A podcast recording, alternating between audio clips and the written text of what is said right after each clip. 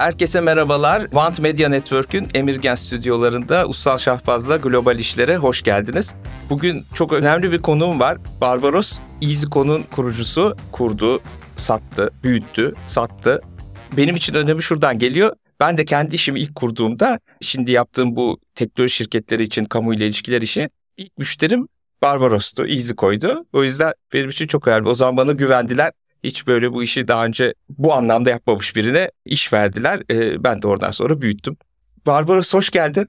Hoş bulduk. Şimdi böyle bir önce bir biraz bahsettim işte EasyCo, EasyCo'yu bilmeyenler için EasyCo Türkiye'nin en önemli fintech şirketi diyebiliriz. Ödeme alanında şimdi birazdan anlatır sanal postlar e-ticarette kullanılan bu alanda faaliyet gösteriyor. Çok da güzel bir girişimcilik öyküsü. Onu da konuşuruz ama bence istersen şöyle biraz daha erkenden başlayarak hayatını şöyle kısaca bir anlatabilirsen Oradan sonra da girişime geleceğiz ve birazcık girişimcilik üzerine konuşacağız. Tabii. O zaman nereden başlayayım? 1977'de Evet. 1977 yılında Almanya'da gurbetçi ailenin bir oğlu olarak dünyaya geldi. Ondan sonra ya okul hayatım çok başarılı bir e, öğrenci değildim. Yani genelde sınıfta böyle her şeyi sorgulayan, ondan sonra bir şey hoşuna gittiği zaman işte dibine kadar ders çalışıp ama hoşuna gitmediği zaman hiçbir şey yapmayan tip öğrenciler vardır. Onlardan bir tanesiydi. Ama bir şekilde liseyi bitirdim. Ondan sonra da üniversiteye kaydımı yaptırdıktan sonra da işte barmen olarak çalışmaya başladım. Ve işte 18-19 yaşındayken barmenlik tabii ki çok ilginç bir İş. e, iş. İşte gece hayatı içerisindesin. Çok e, keyifli zaman geçiriyorsun arkadaşlarınla. Bunlar hangi şehirde oluyor Almanya'da? Aa, bunlar Nürnberg'de oluyor. Nürnberg'de. Almanya'nın Nürnberg şehrinde. Ondan sonra işte 2-3 sene yok 2 sene barmen olarak çalışıp üniversiteyi de tabii ki asarak hiç gitmeyerek evde tabii ki bir kriz yaratmış oldum. Bir noktada babam işte artık kendine doğru düzgün bir iş bul. Üniversiteye gitmek iste- istemiyorsan da çalış Ha. şeklindeydi. Ben de o zaman O2'nun Telefonica O2 işte Almanya'nın Turkcell denilebilecek bir şirkette call center'da çalışmaya başladım. Ve call center'da işte müşteri hizmetlerinde. 6 ay böyle 20 20 yaşındayım. 6 ay çalıştıktan sonra da oradaki işte team lead'im bana şey dedi. Çok hızlı büyüyoruz. Bize de yeni team leader'lar lazım. Sen de lütfen başvur.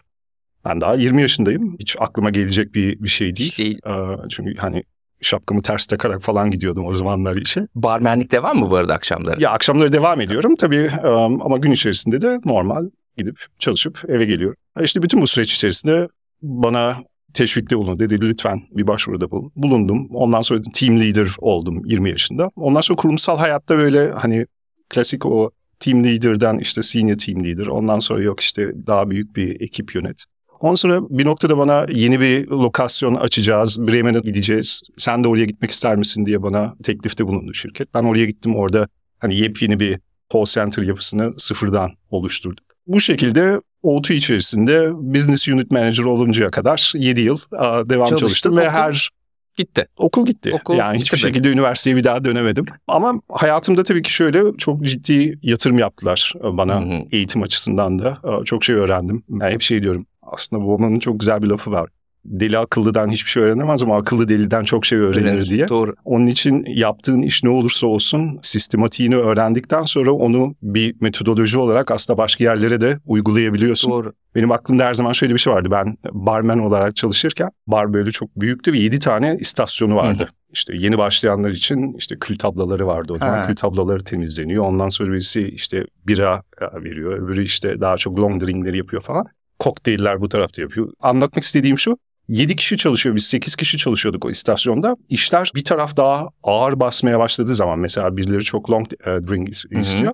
O istasyonun sağında çalışan her zaman sol tarafa destek olabiliyor. Çünkü o işi de biliyor. Böyle bir sistem kurulmuş. Böyle bir kaydırarak biz Hmm. e, orada bütün o günün yükünü birisinin üzerine yüklemeden ekip olarak çözebiliyorduk. Mesela bu sistematiği ben bir noktada çalıştığım Call. O-Tour'da, call center'da şey yaptım. Çünkü orada da mesela telefon geldiği zaman eskiden iki ekip vardı. İşte birisi sadece maillere bakıyor, birisi sadece telefonlara. İşte telefon ağır bastığı zaman mailciler e, bunlar eziliyor ama mail yok, kimse çalışmıyor. Dedim bunlar ikisi beraber yapması lazım. Yani bunu kaydırarak çözmemiz lazım. Ve hatta o hikayeyi de anlatmıştım. Biz barda bunu bu şekilde yapıyorduk. Yani bizi bu sistemi buraya da getirmemiz lazım. Call center da böyle aslında çok e, nasıl diyeyim? Yani karşıdaki müşterinin sorununu iyi anlayıp çözmeye yönelik bir. Çok zor bir iş. Çok zor. Çok insana dokunan bir iş. Bence iletişim tarafında inanılmaz çok şey öğreniyorsun Evet. call center'da. Onun için biz EasyCo'yu kurduktan sonra da benim yani EasyCo ekibinin call center ekibiyle çok e, Hmm. değişik bir ilişkim vardı. Çünkü ben onlarla bir araya geldiğim zaman her zaman diyorum ben sizi çok iyi anlıyorum. Çünkü sizin yaptığınız işi ben de yaptım. Ve e, sizin işiniz çok önemli. Çünkü Evet. müşteriye dokunduğun nokta Evet. ve call center aslında birazcık şeydir. Yani bütün şirket içerisindeki oluşan problemleri ilk bulduğun ve e, ilk duyduğun yerdir. Hmm. Onun için call center'daki datayı doğru kullanıp şirket içerisinde nerede problem yaşıyorsun bunu çok iyi e, analiz Doğru. edebiliyorsun. Çok erken aşamada bulabiliyorsun. Onun için biz mesela EasyCo yapısı içerisinde de her zaman EasyCo Mutfak diye bir modelimiz vardı. Bütün çalışanlar yani call center dışında olan işte mühendisi olsun, yöneticisi olsun ayda bir kere o EasyCo mutfağa girip call center'da call center'da çalışan birisinin yanında oturup o müşteri görüşmelerini Dinliyordu. dinliyordu. Aa süper. Bununla birlikte de ister istemez şu şeyler oluyor. Mesela yazılımcının birisi call center'da çalışan bir arkadaşın yanında oturuyor ve üç kere aynı şeyi duyuyor. Burada bir problem var ve bunu çok hızlı çözebiliriz aslında. Niye Halbuki hiç yapmıyoruz falan. Çıkıyor, alıyor, gidiyor. Buna ekip içerisinde konuşuyorlar. Hemen çözüyorlar. Yani böyle Süper. şeyler Süper. çok iyi çalışıyordu ve e, sistematik bir şekilde de yaptığın zaman şirkette şöyle bir algı oluşuyor. İlk önce call center'daki çalışan insanlar tabii kendilerini çok çok daha iyi, İyi hissediyorlar. hissediyorlar. Yaptıkları işin ne kadar önemli olduğunu.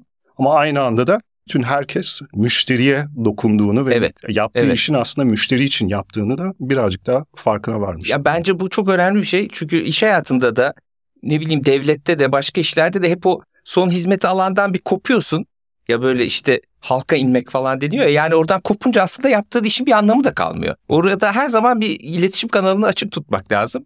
Call center olur başka bir şey olur ama çok iyi bir yöntem. Çok çok net ve bence yönetici olarak da zaten en büyük sorumluluklardan bir tanesi bu işi niçin yaptığını hiçbir Hmm. zaman unutmamak. Hmm. Yani biz eğer bir gün yani bir şirket kuruyorsan, bir restoran açıyorsan veyahut herhangi bir şekilde başka bir iş yapıyorsan bunu müşteriye bir hizmet vermek veyahut Evet. bir ürün satmak için yaptığını ve günün sonucunda çalışanlarınızın eve götüreceği ekmeğin parasını müşterinin ödediğini Geldiğini, hiçbir zaman evet. unutmaman lazım. Böyle dediğim gibi e, değişik sistemlerle de bunu aslında çok net e, unutmuyorsun ve şirket içerisinde şirketin DNA'sına da bir şekilde işleyebiliyorsun. İşleyebiliyorsun.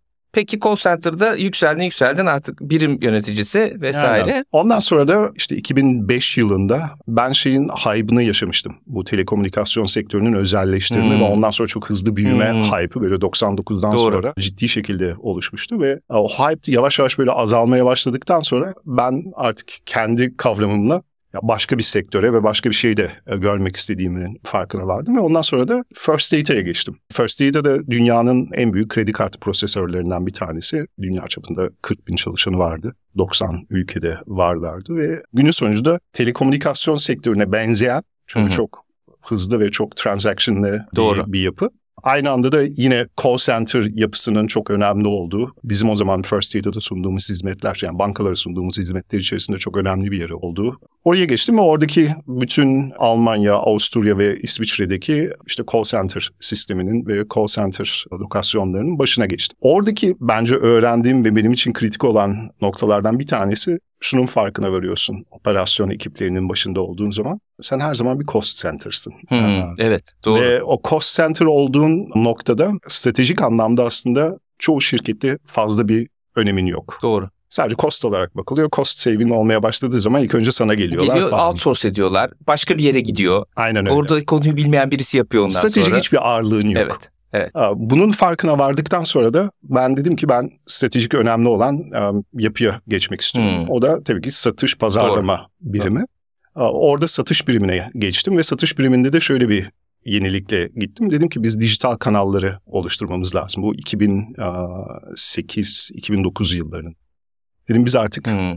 İşte internet Evet. diye bir gerçek var. Dijitalleşmemiz lazım ve burada yeni kanallar oluşturmamız lazım. Aklıma yeni bir fikir geldiği zaman gidiyordum patronuma. Diyordum ki ben böyle bir şey yapmak istiyorum. İşte outbound call center'lar oluşturduk. Ve müşteriye sadece bizi aradığı zaman değil biz proaktif bir şekilde onlara ulaşmamız lazım. Onun yanı sıra işte web sitesi, ilk web sitemizi oluşturduk. Web sitemizin içerisine bir shop kurduk ve dedik ki artık hiç olmazsa hani terminallerin e, kablolarını bilmem nelerini falan bunları internet üzerinden Hmm. e, satıp ve ondan sonra geldiğimiz son noktada da aslında Simply Cash diye bir dijital ortamdan senin post alabileceğin bir brand oluşturduk. Oluştu. Çünkü orada da zamanında işte Telecash Almanya'nın en büyük böyle post terminali satan şirketiydi. Bu da First Data'nın bir işte iştirakıydı. Ee, Onlar tabii oluşturduğu satış kanalları bankalar üzerinden ve çok politik bir ortam. Politik ve eski usul. Aynen. Orada web sitesinden biz bunu kendimiz direkt satacağız dediğimiz anda zaten bütün bankalar ayağa kalkmıştı o zaman da. Biz de stratejik olarak şey dedik o zaman ikinci bir brand oluşturalım. Bu brand e, Çok komple güzel. bağımsız olsun ve biz bunu direkt internetten direkt kanal satışı olarak oluşturalım. Onu oluşturdum ve ondan sonra da her şey çok iyi giderken ben 30'lu yaşlarındayım. Şirket içerisinde pozisyonum çok iyi, perspektifim çok iyi. Kendim bana hala böyle young professional, young talent Evet. olarak bakılıyor. 2010 yılında işte Zubier diye bir headhunter aa, böyle beni bir ciddi şekilde bir stalkladı ve ciddi şekilde darladı. Beni kadın her gün arıyor. Diyor ki İsveçli bir şirket var. Çok genç, çok dinamik bir ekip. İşte senin profilini ben verdim. Ee, Senden konuşmak istiyorlar. Lütfen bir görüş. Dayanamadım. Ben diyorum ki hayır. Ya ben çok iyiyim. Olduğum yerde çok mutluyum. Her şey çok güzel. Kadın bir gün çok iyi hatırlıyorum. Beni pazar günü aradı ve dedi ki Barbaros dedi sana bir önerim olacak. Pazartesi, ertesi gün. Pazartesi günü işte Münih'te bir etkinlik var. Kurucuların iki tanesi orada olacak. Klarna. Hı. Şirketin ismi Klarna bu arada. Evet. Ondan sonra lütfen git bir tanış ve ondan sonraki ne olacağını sen seni. karar ver. Yani Aynen sonra ben ondan söyledim. aramayacağım. Bak ben gideceğim konuşacağım ama bana söz ver. Eğer hayır dersem beni bir daha aramayacaksın. Kadın dedi tamam. Neyse ben atladım gittim. İşte o zaman Niklas vardı. Magnus vardı. Onlarla tanıştım. Ve günün sonunda ilk defa hayatımda yani kurumsal dünyanın dışında bir Evet. scale up veya startup kelimesini duymuş oldum. Tabii 2010'da bu şimdiki gibi popüler değil bu işler. Yok hiçbir şekilde değil. Hiçbir şekilde değil. Ve bizim için daha çok şey ya kim bunlar? Sektörde soruyorum kimse tanımıyor. Tabii. Ondan sonra diyorlar ki ya Dolandırıcı mı? Ya karşımda oturuyor çocuklar 24 yaşında. Tabii. Yani gençler İsveçli değil mi bunlar? İsveçli. İsveçli. 24 20 25 yaşında bana diyor ki bizim şirket ortalama yaş ortalama işte 23. Ondan sonra şey diyorum ben 23 yaşında ne yapıyordum falan böyle daha barmenlik şeyini düşünüyorum. Bunlar diyorum koskocaman şirket kurmuşlar. O zaman 5 tane ülkede veya 4 tane ülkede varlar. İşte Sequoia Capital'dan yatırım alacaklar. Avrupa'ya yaptıkları Hı. ilk yatırımda Sequoia Capital. Michael Moritz onların Evet. board'una girecek falan. Her neyse bana bu hikayeyi anlatıyorlar. Ondan sonra bana şey dedi. Lütfen karar vermeden önce ben seni bir Stockholm'a davet etmek istiyorum. Stockholm'a gel. Ve orada Ortamı gör. ortamı gör. Ben şimdi kurumsal hayattan geldiğim için şey diyorum. Ha, tamam bu şimdi dönecek HR'a. HR ondan sonra bana form gönderecek. Yok ben o formu dolduracağım. Şu olacak falan.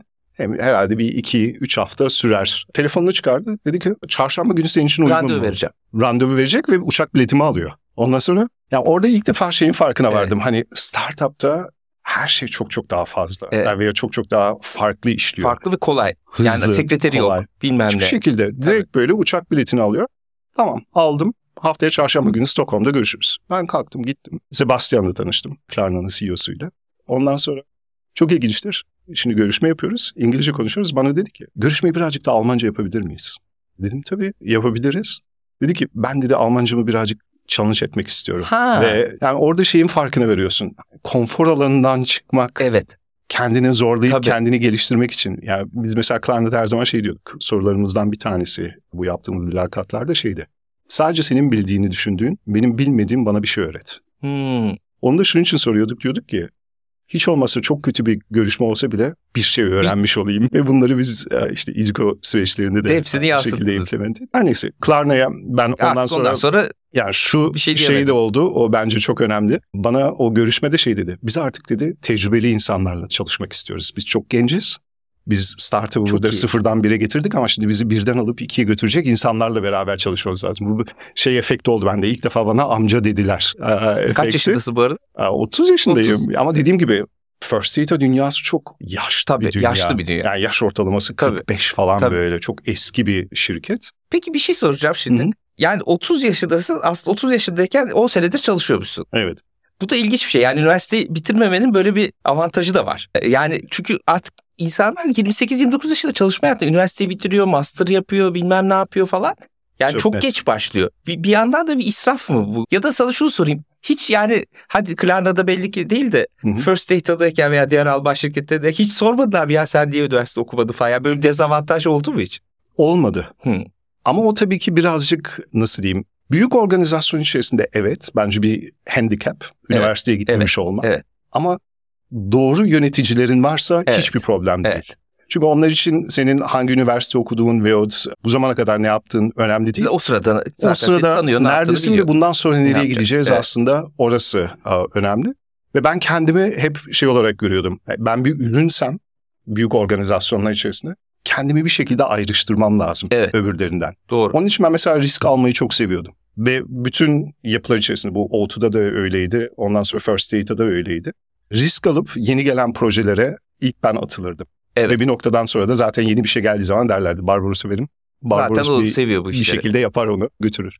Yani evet üniversite okuma bazen üniversitelere davet ettikleri zaman ben önceden söylüyorum diyorum bakın ben üniversite okumadım. Okumadım, Şimdi hikayeyi çağır. anlattığım zaman şey olmasın. Çocuklarımla da konuştuğum zaman aynı şeyi söylüyorum. Ya üniversiteye gitseydim evet belki basic olarak bazı şeyleri işte 35 yaşında öğrenmek zorunda kalmazdım. Evet. Ama eğer öğrenmeye açsan ve kendinin öğrenme metodolojisini bir şekilde kendin kavradıysan Ha. yeri geldiği zaman hani gerektiği zaman bir şeyi öğrenmek de o kadar zor, Zor, değil. Ama o metodoloji yani hem o metodoloji kavradıysan hem de öyle bir isteğin varsa. Şimdi bazı Çok insan net. var kendi başına hiçbir şey yapamıyor. O da ayrı bir sıkıntı. O O bambaşka bir yüzden şey. herkesin kendine göre belki bu e, kararlar kişiliğine göre de e, Çok değişebiliyor. doğru. Çoğu kişi de zaten bu kararları bir şey bilerek vermiyor. Eminim ki sen de üniversite okumayayım diye yapmadın. Yapmadım. Öbür iş daha cazip geldi o anda. O yüzden yaptın yani. Çok net. Yani geçmişe dönük bakıldığı zaman ama şöyle bir şeyi de görebiliyorum. Yani kendi pattern'ımda şunu görebiliyorum. Ben teorik bir adam değilim. Hı. Hani evet. yaparak ve hata yaparak öğrenen birisiyim. Onun için hani üniversitede oturup kitapları okuyup ondan sonra bunu hiçbir şekilde hani pratik anlamda kullanmadığım bir dünyada Tahammül edemiyordun. hiçbir şekilde Evet. tahammül edemiyordum. Onun için üniversite benim için değildi. Doğru. Ama bazı insanlar Tam aa, tersine tam bazısı tersine pratiği sevmez.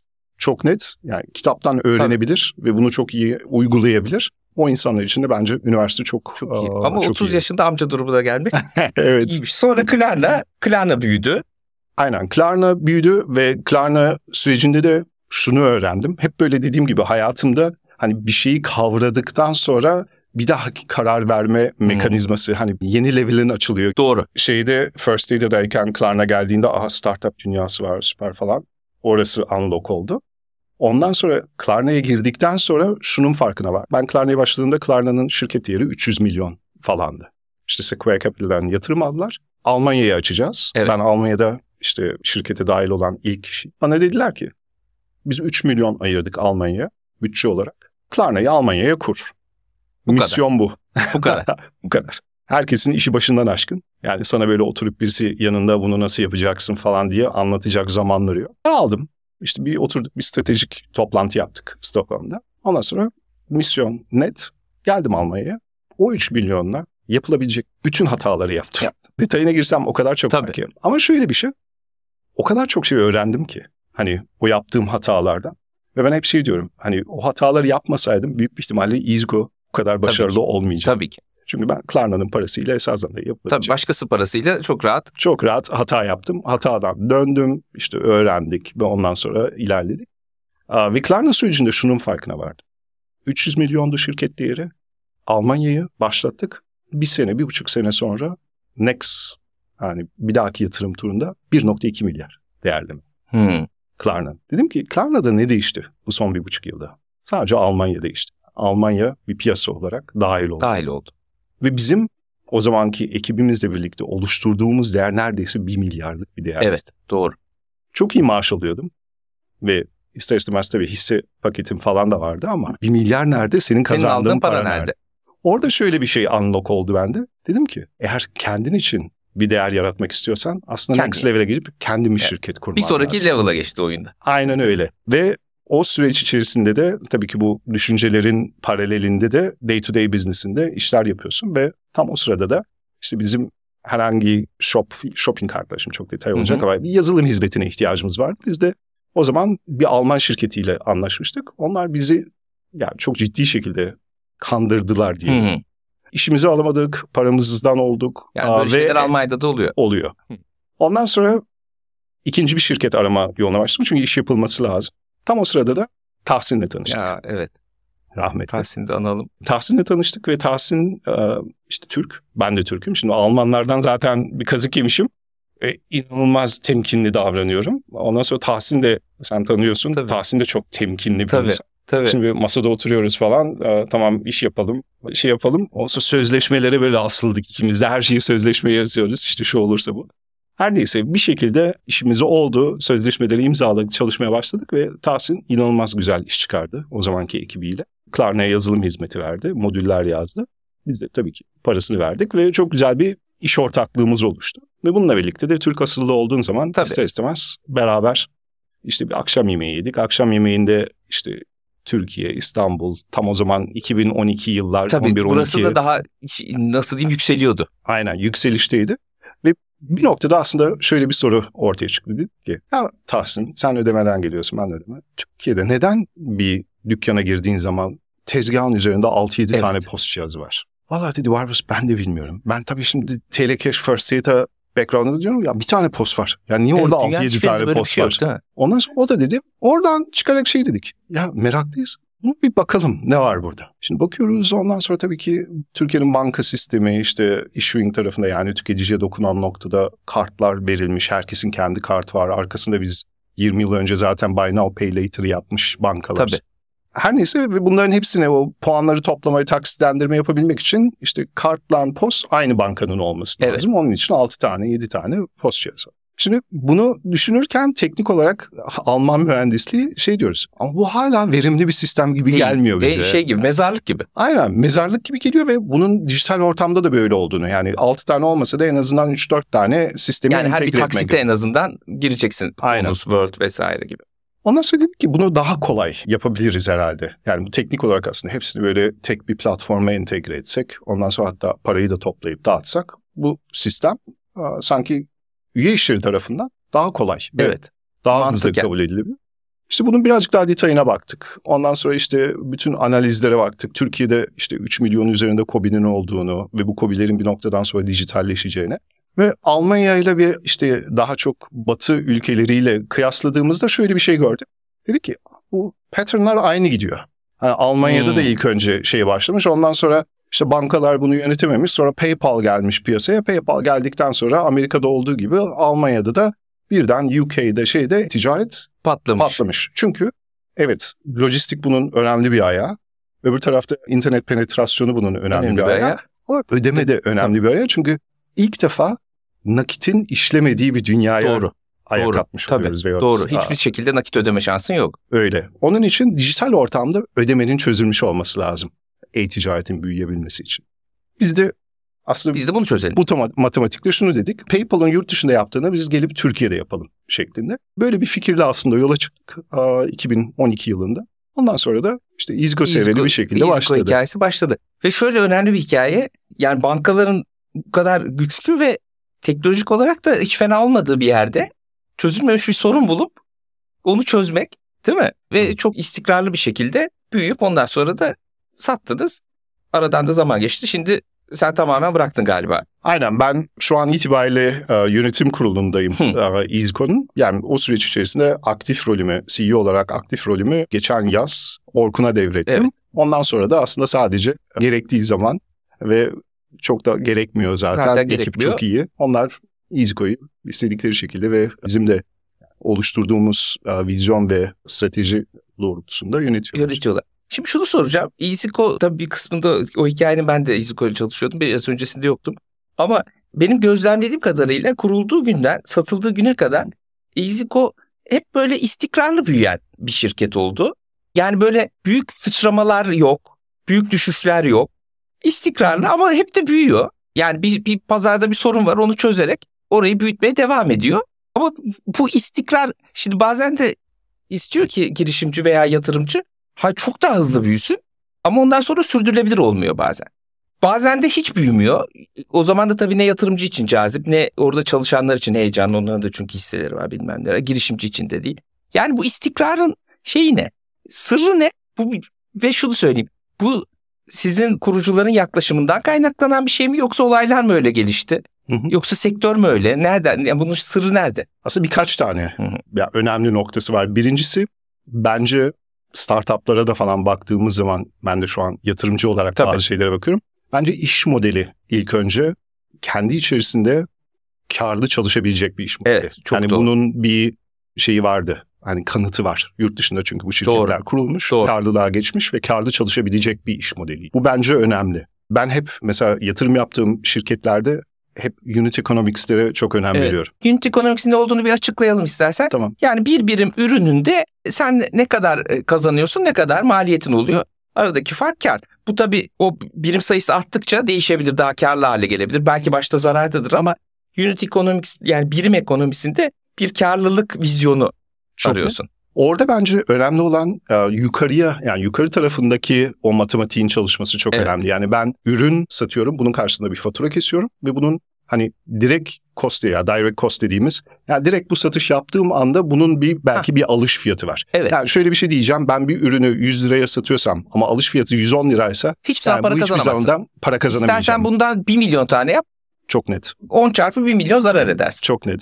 Onun için yani bu birim kalkülasyonu çalışması lazım. Evet. Eğer bu çalışıyorsa ve yukarıda sen yani %20, %30 gross profitle eğer işi götürebiliyorsan altında o zaman yakmaya başlayabilirsin. Evet. Çünkü o zaman şunu Büyümek için bir Bu- pazarlama. Aynen. Bu iş büyürse ve ben daha çok hani hacim kazanırsam o zaman benim unit economics'im de aslında bir noktada düzelecek. düzelecek. Bunu öngörebilirsin. Bunun projeksiyonunu Evet. yapabilirsin. Aa, ve biz bu şekilde işliyorduk. Yani bizim yaptığımız her zaman unit economics'e bakıyorduk. Diyorduk bu çalışıyor mu? Birim bazında biz para kazanıyor muyuz? Evet.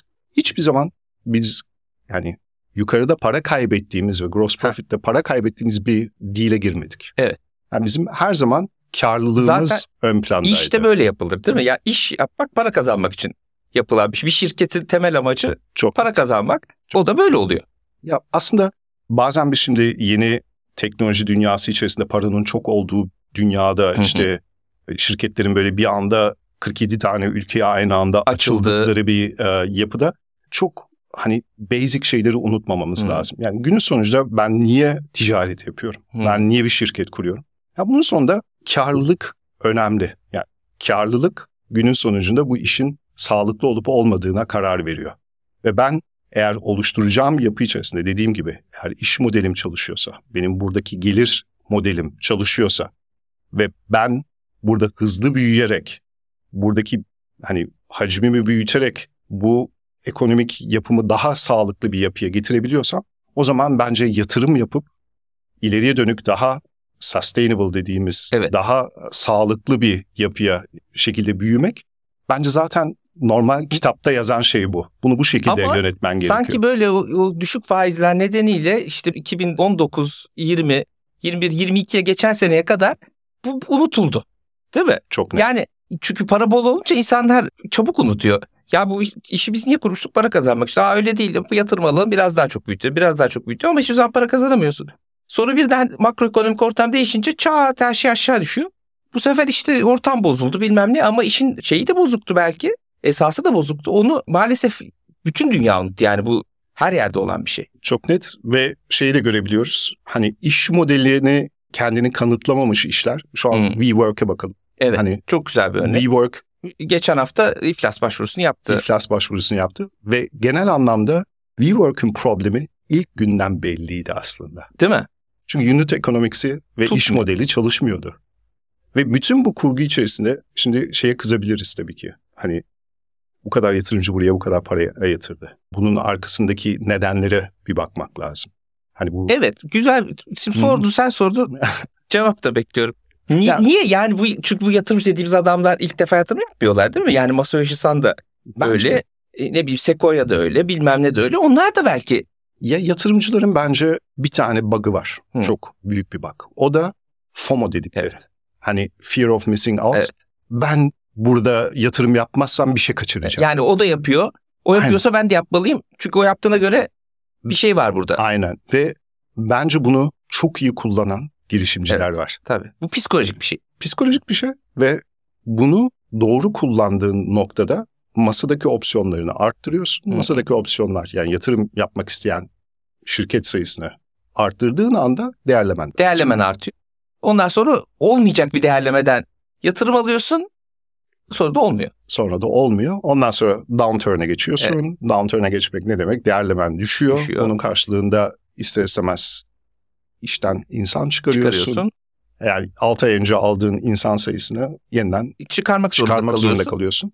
Bu mesela bence çok önemli bir konu. Şu açıdan biz EasyCo'da şimdiye kadar hiçbir zaman şirket işte kötü planladı diye veyahut şirket hedeflerine ulaşmadı diye veyahut Hmm. herhangi bir nedenden dolayı biz kimseyi işten çıkarmadık. Çok önemli. Yani 10 yıldır performansı kötüdür, bilmem ne, huysuzdur, şudur budur o başka. o başka bir şey. O başka ama şirket hedeflerine makro nedenlerden ötürü Hiçbir hiç şekilde ve çıkarmadınız. son 10 yılda Türkiye'de olup Tabii, bitenleri tabii. biliyoruz. tabii Bu neden bir şey diyeceğim. Hı. Bu şu demek yani dolayısıyla öyle bir işe alımda yapmadınız. Bence Hiçbir önemli olan o. şekilde. Evet. Çünkü iş modelimizde zaten bizim ilk baştan önem verdiğimiz konu biz hep şunu diyorduk. Şirkette hani monkey work dediğimiz hani birisini böyle evet hayır, Ha. evet hayır, evet hayır. Bu evet hayır oturup bütün gün sadece böyle iki tane düğmeye basacak işleri zaten insanlara yaptırmayalım. Biz çok Hmm. erken aşamada işte otomasyona, Hmm. Ondan sonra şirket içerisindeki belki de Türkiye'de bizim alanımızda hani yapay zekayı ilk kullanılan şirketlerden bir tanesiyiz. Çünkü yapılacak o kadar çok evet hayır işi İş var, var ki, ki- ve Türkiye'deki iş gücü ucuz olduğu için Tabii insanlar tabii. alıyor Doğru. insanları oturtuyor işte 100 kişilik e, böyle küçücük masaların başına ve bütün gün sadece Bunları evet yaptırıyor. hayır İşten çıkarmak işi. da kolay. Yani Almanya'ya, Fransa'ya göre değil mi? Çok net. E, Dolayısıyla böyle lüzumsuz işler için adam alıyorsun. Aynen ve bizim oradaki felsefemiz çok iyi. Biz büyüyeceğiz. Hmm. Çok büyük bir şirket olacağız. Ama biz şirket içerisinde mutlu bir ortam yaratmak istiyoruz. Yani mutluluk bizim için önemli. Bunu başarabilmemiz için de günün sonunda insanlara daha kreatif çalışabilecekleri, Evet.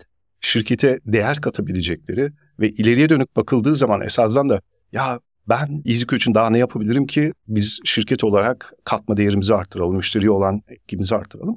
Buraları düşünecek insanlara ihtiyacımız var. Hmm. Çünkü böyle bir ortam, çalışma ortamı yarattığın anda zaten insan birbirinden böyle e, motiva, Doğru. motivasyonunu alıyor ve çok çok daha pozitif, çok çok daha üretken bir ortam oluşturuyorsun. Ama düşün bütün gün aynı iş yapıyorsun ve sadece evet hayır Sonra diyorsun. da ilk atılan adam oluyorsun. Bir şeyde makroekonomik durum bozuldu veya şirketin parası bittiğinde. Çok net. Ama bu kurgu içerisinde dediğim gibi çok verimli ve ölçtüğümüz çok erken aşamada ölçtüğümüz şeylerden, e, KPI'lerden bir tanesi revenue per head count ve cost per head Hmm. count. Yani çalışan insan başına ne kadar e, ciro, Ciro yapıyoruz yapıyorsun.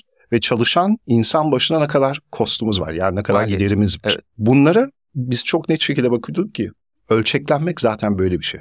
Eğer 10 kat büyüyorsa ama çalışan sayısı sadece bir kat büyüyorsa o zaman ölçekleniyorsun. Sen zaten Doğru. 10 kat büyürken 10 kat işçi dahil edersen olmuyor zaten. ölçeklenme Tabii. olmuyor. Ne kadar çok insan alırsan Tabii. o kadar çok Tabii. aa, iş yapabiliyor. Bunlar tamamen senin. unutuldu ve bence şöyle bir şey oluyor. Şimdi bunu bir şirket, iki şirket yapsa bir problem yok ama birçok şirket aniden böyle büyüdüğü zaman o bir makro dengesizlik de yaratıyor. Ne bileyim yazılımcı bulamıyorsun.